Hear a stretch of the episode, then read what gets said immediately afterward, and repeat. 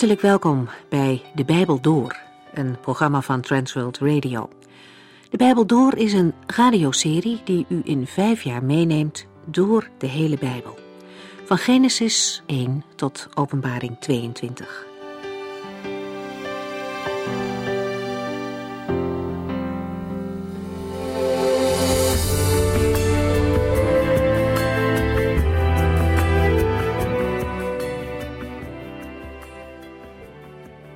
Fijn dat u weer luistert.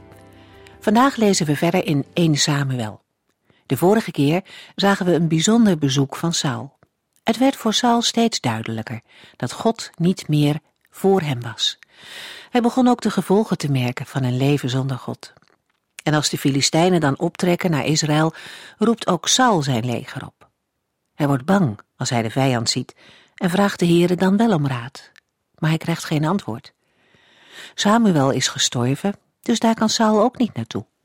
En uiteindelijk besluit hij om naar een waarzegster te gaan. Eerder in zijn koningschap had hij alle waarzeggers en geestenbezwerers uit het land gestuurd. De Heere had uitdrukkelijk verboden aan zijn volk om zich in te laten met deze mensen. En het oproepen van overledenen gaat tegen Gods wil in. Toch weten de dienaren van Saul nog iemand te vinden, en vermomd gaat de koning naar haar toe. De vrouw wil eerst niet meewerken, maar ze doet het uiteindelijk toch. Saul vraagt aan haar om Samuel op te roepen. En als zij een bovennatuurlijk wezen ziet komen, schrikt ze vreselijk en weet ze ook dat Saul de koning is die bij haar is. Saul krijgt geen bemoedigende boodschap. Hij en zijn zonen zullen in de strijd omkomen. Het wordt Saul verderop in de Bijbel aangerekend dat hij naar deze waarzegster is gegaan. Geesten oproepen en allerlei occulte zaken horen bij de tegenstander van God, bij het rijk van de duisternis. En God wil dat zijn kinderen in het licht leven, ver van de vijand vandaan. Het einde van Saul komt dichterbij en daarmee ook het koningschap van David.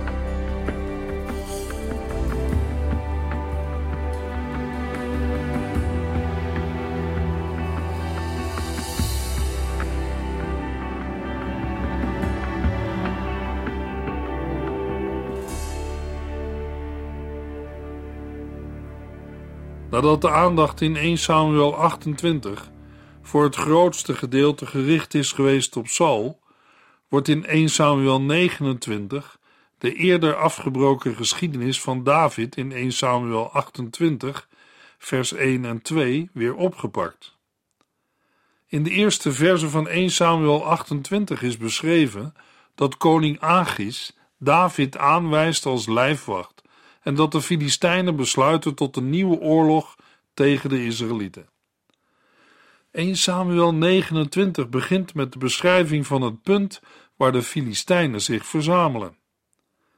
1 Samuel 29 vers 1 Het Filistijnse leger groepeerde zich op dat moment bij Afek, terwijl de Israëlieten hun kamp hadden opgeslagen bij de bronnen van Jezreel. De Filistijnen trekken op naar Afek dezelfde plaats van waaruit de Filistijnen eerder de Israëlieten hebben verslagen. 1 Samuel 4. Het leger van de Filistijnen gaat via Afek in de kustvlakte naar het noordelijk gelegen dal van Jezreel, waarna de Israëlieten zich verzamelen bij de bron van Jezreel. Deze bron bevindt zich in een dal bij het gebergte Gilboa. Wellicht trekt Saul zich terug in bergachtig gebied waar de strijdwagens van de Filistijnen hem en zijn leger niet kunnen bereiken. De Filistijnen houden in Afek een inspectie, waarbij de militaire leiders de troepen aan zich voorbij laten trekken. De militaire leiders moeten worden onderscheiden van de stadskoningen of stadsvorsten. De stadskoningen of stadsvorsten zijn degenen die voor hun troepen uitgaan. Maar het zijn de militaire leiders die moeten beslissen wie wel of niet mogen meedoen aan de strijd. Hoewel ze onderworpen zijn aan de stadskoningen, hebben ze in dit opzicht een beslissende stem. Een stadskoning neemt ook hun mening over. 1 Samuel 29, vers 2 en 3. Toen de Filistijnse koningen hun troepen in compagnieën en bataljons daarheen hadden laten oprukken, marcheerde David en zijn mannen in gezelschap van koning Agis achter in de legereenheid. De Filistijnse leiders wilden echter weten wat de Israëlieten daar deden. Koning Agis verklaarde: Dit is David, de gevluchte dienaar van koning Saul van Israël. Hij is al jaren bij mij en ik heb sinds zijn komst nooit gemerkt dat hij niet te vertrouwen zal zijn. Toen er een nieuwe oorlog uitbrak tussen de Israëlieten en de Filistijnen, bevond David zich in een penibele situatie. Omdat hij vrienden was geworden met tenminste één van de koningen van de Filistijnen, moest hij bondgenoot van de Filistijnen zijn. En ziet het er nu naar uit dat David zijn eigen volk moet aanvallen. Maar de Heere komt tussen beiden om dat te voorkomen.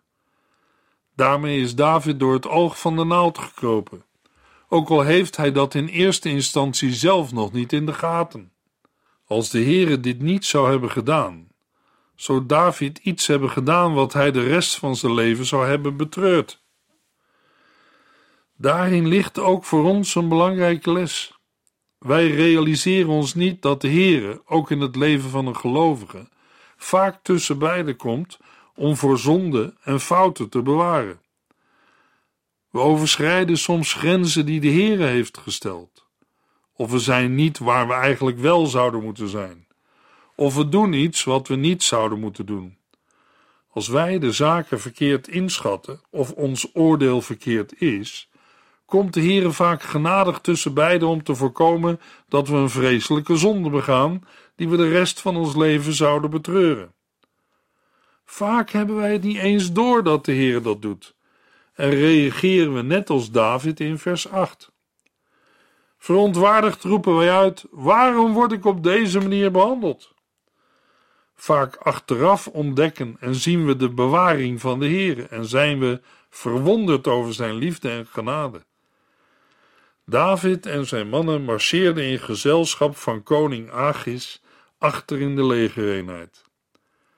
De militaire leiders kenden David en toen ze hem in de achterhoede zagen marcheren, hadden ze daar problemen mee. Zij wilden weten waarom David met zijn mannen daar marcheerde. Koning Agis wil hen geruststellen, maar dat lukt niet.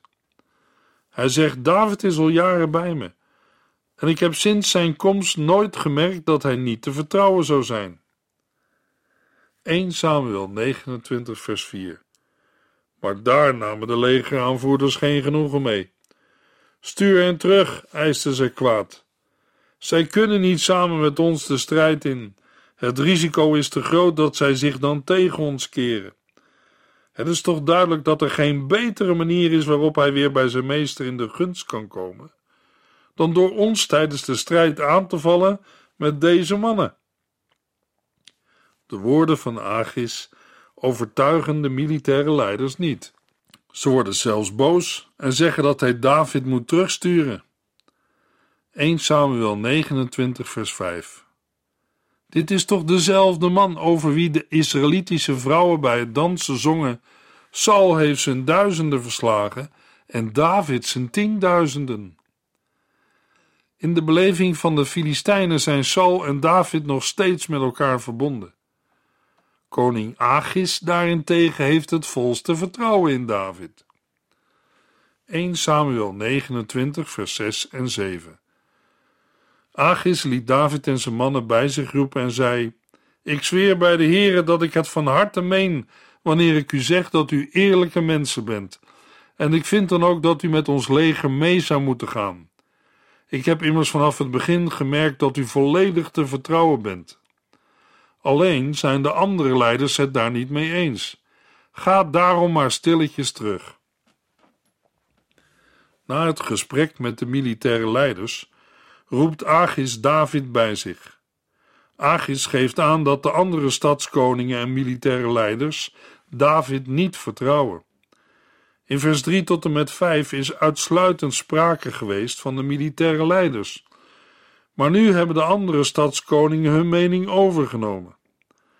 Agis is niet in staat David binnen het leger van de Filistijnen te houden en raadt hem aan in vrede terug te gaan.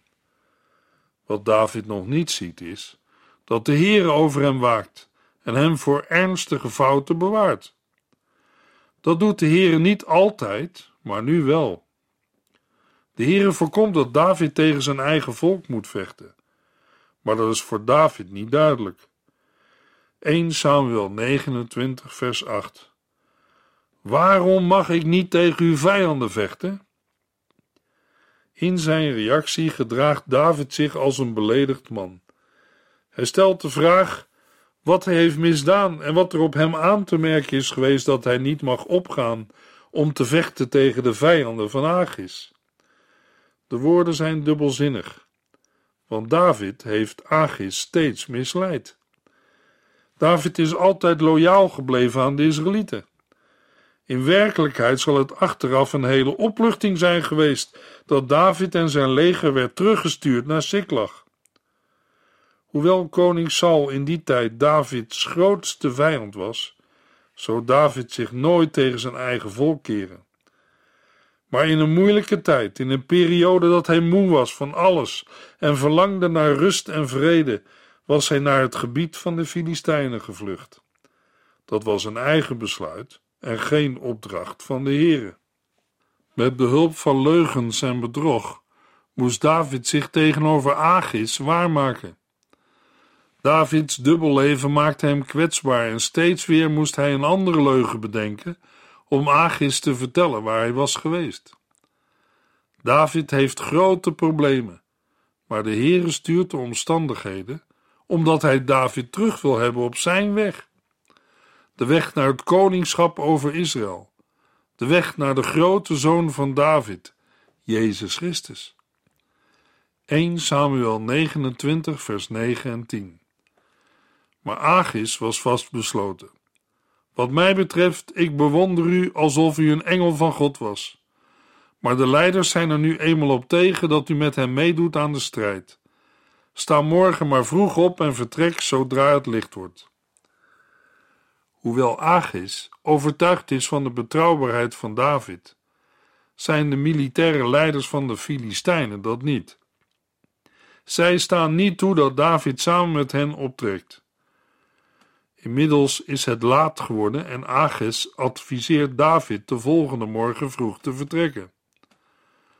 De opmerking over het vroege opstaan staat er twee keer. De herhaling verraadt iets van de verlegenheid van Agis met de afwijzing van David. 1 Samuel 29, vers 11. Zo ging David, s'morgens vroeg terug naar het land van de Filistijnen, terwijl het Filistijnse leger zijn weg naar Jezreel vervolgde. David doet wat koning Agis hem heeft gezegd. Terwijl de Filistijnen optrekken naar Jezreel, gaan David en zijn mannen terug naar huis, naar Siklag. Het zal geen vreugdevolle thuiskomst zijn. 1 Samuel 30, vers 1 en 2. Drie dagen later kwamen David en zijn mannen terug bij hun stad Siklag en merkten tot hun ontzetting dat de Amalekieten in hun afwezigheid de stad hadden overvallen en platgebrand. Bovendien hadden zij de vrouwen, jong en oud, gevangen weggevoerd, zonder iemand van hen te doden, en hun tocht vervolgd.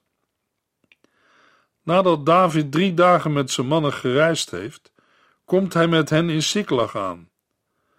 David en zijn mannen moeten ruim 30 kilometer per dag hebben gereisd van Afek naar Siklag, omdat de afstand ruim 90 kilometer bedraagt. Ondertussen heeft zich in Siklag een drama afgespeeld. De Amalekieten zijn uitgetrokken voor een rooftocht, waarbij ze een groot deel van de Negev, het zuiderland, hebben geplunderd. De Amalekieten plunderden ook Siklag en verbrandden de stad. Blijkbaar hadden ze gehoord dat David en zijn mannen hun woonplaats tijdelijk hadden verlaten en dat de stad betrekkelijk weerloos was. Daarom zullen ze de stad zonder veel moeite hebben ingenomen en verbrand. Een andere reden kan liggen in de aanvallen die David vanuit Siklag op de Amalekieten heeft uitgevoerd. David had niemand uit de veroverde gebieden in leven gelaten. Dat deed hij om geheim te houden dat hij Ages misleidde. De Amalekieten nemen de vrouwen en de kinderen gevangen, waarschijnlijk met de bedoeling hen als slaaf te gebruiken of te verkopen. Als David in Siklag aankomt, ontdekt hij dat de stad verbrand is en dat vrouwen en kinderen gevangen zijn genomen. Een vreselijke ontdekking. In de verwachting dat je als man met je gezin wordt herenigd, zijn je stad en huis platgebrand. David en zijn mannen zijn diep geschokt en verbijsterd. Ze hadden hun vrouwen en kinderen verloren. Mogelijk waren hun geliefden zelfs dood. 1 Samuel 30, vers 3 tot en met 5. Toen David en zijn mannen over de rokende puinhopen uitkeken en beseften wat met hun familieleden was gebeurd, huilden zij tot zij geen tranen meer hadden. Ook Davids twee vrouwen, Achinoam en Abigail, waren ontvoerd. De verslagenheid onder David en zijn mannen is groot. Ook David is zwaar getroffen. Ook zijn beide vrouwen zijn als gevangenen weggevoerd. 1 Samuel 30, vers 6. David werd door zijn mannen in het nauw gedreven, want door het verdriet om hun kinderen dreigden zij hem te gaan stenigen. David bleef echter op God vertrouwen. De mannen van David raken verbitterd en richten hun boosheid op hun leider. Begrijpelijk door alles wat er is gebeurd. Maar de verbittering slaat om in boosheid en komt zo ver dat de mannen David willen stenigen. Als specifieke reden daarvoor wordt genoemd het verdriet om hun kinderen. Zo'n mededeling zet een mens, ook vandaag, stil bij zoveel ouders die verdriet hebben over hun kinderen, en ook andersom, kinderen die verdriet hebben over hun ouders. Laten we in dit verband ook denken aan en bidden voor kinderen die hun ouders helemaal niet kennen of hebben verloren. Voor David wordt de situatie uitermate riskant. Hij wordt door zijn mannen tot zondebok gemaakt. In crisissituaties moeten leiders het vaak ontgelden. In het geval van Mozes was de kritiek niet terecht. Zij riepen wel tegen Mozes: Waarom heb je ons uit Egypte weggeleid? Maar het was de Heere die het volk had weggeleid. Nu bij David is het anders. Hij is zonder om Gods leiding te vragen naar de Filistijnen gegaan. Als leider draagt hij daarvoor de verantwoordelijkheid, ook al hebben zijn mannen ermee ingestemd. David heeft hen naar Siklag gebracht en hem meegenomen op de rooftochten tegen de Amalekieten. In 1 Samuel 29 is hij op een bijzondere wijze gered uit een lastig dilemma. Hij hoeft niet tegen zijn eigen volk te vechten. Maar nu is David in een enorme crisis terechtgekomen. En wat gaat David in zijn nood doen? Hij zoekt steun bij de Heere zijn God. Luisteraar, het is goed om ons daarbij te realiseren dat David dit doet nadat hij van de Heere was afgeweken door dienstbaar te zijn aan de Filistijnen en zich met leugens te handhaven. De tekst benadrukt bij wie David zijn steun zoekt. Daarmee komt het geloofsvertrouwen van David meer naar voren dan het feit dat hij verkeerd heeft gehandeld. David bleef op God vertrouwen. Dit vertrouwen op de Heere wordt ook zichtbaar in het handelen van David. Het zijn niet alleen woorden. Vertrouwen zet zich ook om in concrete daden. Luisteraar, er kunnen tijden in ons leven zijn waarin de omstandigheden geen enkele vorm van blijdschap of geluk zullen geven. Er zijn tijden waarin een mens door een donker dal moet lopen, net zoals David. Je kijkt in het rond. De situatie ziet er hopeloos uit. Wat moet je nu doen? Ontmoedigd raken? Opgeven? Zeggen dat we het hebben gehad? Laten wij van David leren. Hij bleef op God vertrouwen. Soms plaatst de Heer ons in zo'n situatie opdat wij naar hem zullen terugkeren. Op de diepste en donkerste momenten heeft David een aantal van de mooiste psalmen mogen dichten. Juist bij allerlei moeite en problemen kunnen psalmen bemoedigen en ondersteunen. Verschillende keren horen we David in de psalmen zeggen: Laat ieder die door de Heer is bevrijd dit blijven zeggen. En wat moet er dan gezegd worden? Prijs de Heere, Hij is een goede God, want Zijn goedheid en liefde blijven eeuwig bestaan. Psalm 107. 1 Samuel 30 vers 7 Hij beval Abjatar het priesterkleed of de efod te halen. Abjatar hebben we leren kennen in 1 Samuel 22. Hij was een van de zonen van Achimelech, de priester uit Nop, die op bevel van Saul door Doeg met zijn hele familie was vermoord. Alleen Abjatar wist toen te ontkomen.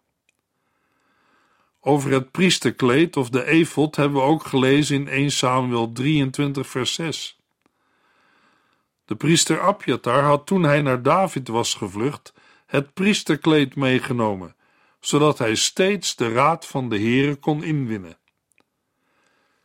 1 Samuel 30 vers 8 Toen vroeg David de Heere, moet ik hen achtervolgen? Zal ik hen nog inhalen? En de Heere zei hem, ja, ga hen achterna. U zult al uw dierbaren uit hun handen bevrijden. Abjatar doet wat David vraagt en brengt het priesterkleed. David vraagt aan de Heer of hij deze bende Amalekieten moet achtervolgen en ook of hij hen zal kunnen inhalen. Het antwoord van de Heer is bevestigend. 1 Samuel 30 vers 9 en 10 Even later zette David en zijn 600 mannen de achtervolging op de Amalekieten in. Toen ze bij de beek Bezor kwamen, waren 200 mannen zo uitgeput dat zij de beek niet konden oversteken. De andere 400 gingen echter onvermoeidbaar verder. Een snelle actie is nodig. David zet met 600 man de achtervolging in. Bij de beek Bezor laat David een groep van 200 uitgeputte soldaten achter. De andere 400 gaan door. 1 Samuel 30 vers 11 Tijdens de achtervolging van de Amalekieten vinden zij een Egyptische slaaf. Davids mannen geven hem te eten en te drinken en vragen wie hij is en waar hij vandaan komt. De slaaf vertelt dat hij een Egyptenaar is en slaaf van een Amalekiet. Drie dagen geleden is hij ziek geworden en heeft zijn meester hem achtergelaten. De slaaf vertelt ook dat ze de stad Siklag in as hebben gelegd. David had de man gevonden, maar moest de vijand nog inhalen. De Egyptische slaaf zal David vertellen waar ze zijn, als David belooft hem niet naar zijn meester terug te sturen. David onderneemt een verrassingsaanval op de Amalekieten, terwijl ze de overwinning vieren en genieten van de buit. 1 Samuel 30, vers 16 en 17. Zo bracht hij hen naar het kamp van de Amalekieten dat lag verspreid over de velden. En de mannen aten, dronken en dansten van vreugde over de enorme buit die ze hadden geroofd uit het land van de Filistijnen en van Juda. David en zijn mannen stortten zich op hen en richtten die nacht en de hele volgende dag een waar bloedbad aan. De enigen die ontsnapten waren 400 jonge mannen die er op kamelen vandoor gingen. Als David en zijn mannen aankomen bij de Amalekieten, zien zij dat hun tegenstanders feest vieren. Blijkbaar voelen zij zich zo veilig dat ze besloten hebben te eten, te drinken en feest te vieren. Ze zijn al op een zodanige afstand van het geplunderde gebied dat ze geen tegenaanval meer verwachten. De Amalekieten doen zich te goed aan de buit. Terwijl ze op dat moment betrekkelijk weerloos zijn, valt David hen aan en verslaat hen. De enigen die ontsnapten waren 400 jonge mannen die er op kamelen vandoor gingen. Toen de strijd voorbij was, keerde David terug naar Siklag, samen met de vrouwen, kinderen, kudde en al de spullen die waren geroofd. Bij de beek Bezor, waar de 200 mannen waren achtergebleven, ontstaat nog een probleem. Vers 22 en 23. Maar de slechten onder Davids mannen mompelden: Ze zijn niet met ons meegegaan en krijgen dus ook niets van de buit. Geef hun hun vrouwen en kinderen terug en zeg dat ze moeten maken dat ze wegkomen. Maar David zei: Nee, broeders, het is een geschenk van de Heere. Hij heeft ons beschermd en hielp ons de vijand te verslaan.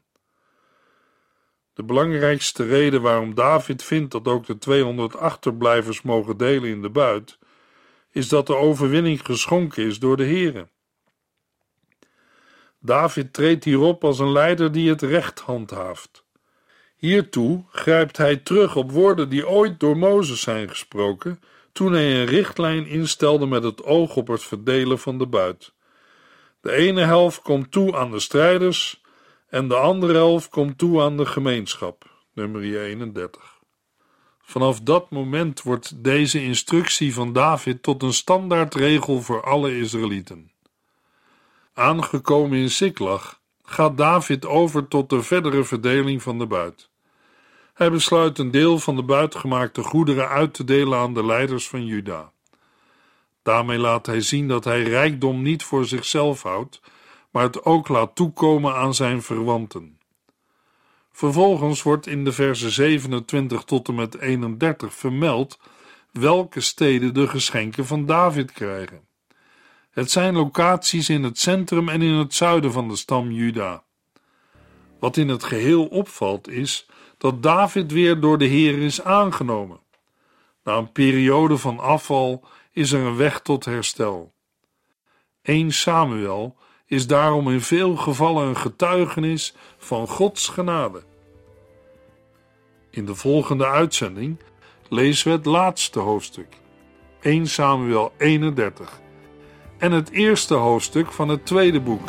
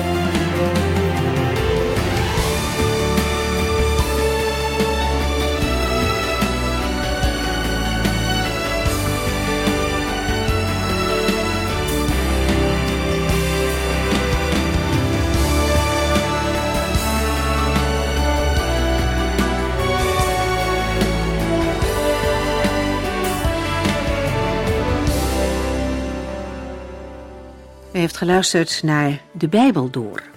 In het Nederlands vertaald en bewerkt door Transworld Radio. Een programma waarin we in vijf jaar tijd de hele Bijbel doorgaan. Als u wilt reageren op deze uitzending of u heeft vragen, dan kunt u contact met ons opnemen. Tijdens kantooruren kunt u bellen op 0342 47 8432.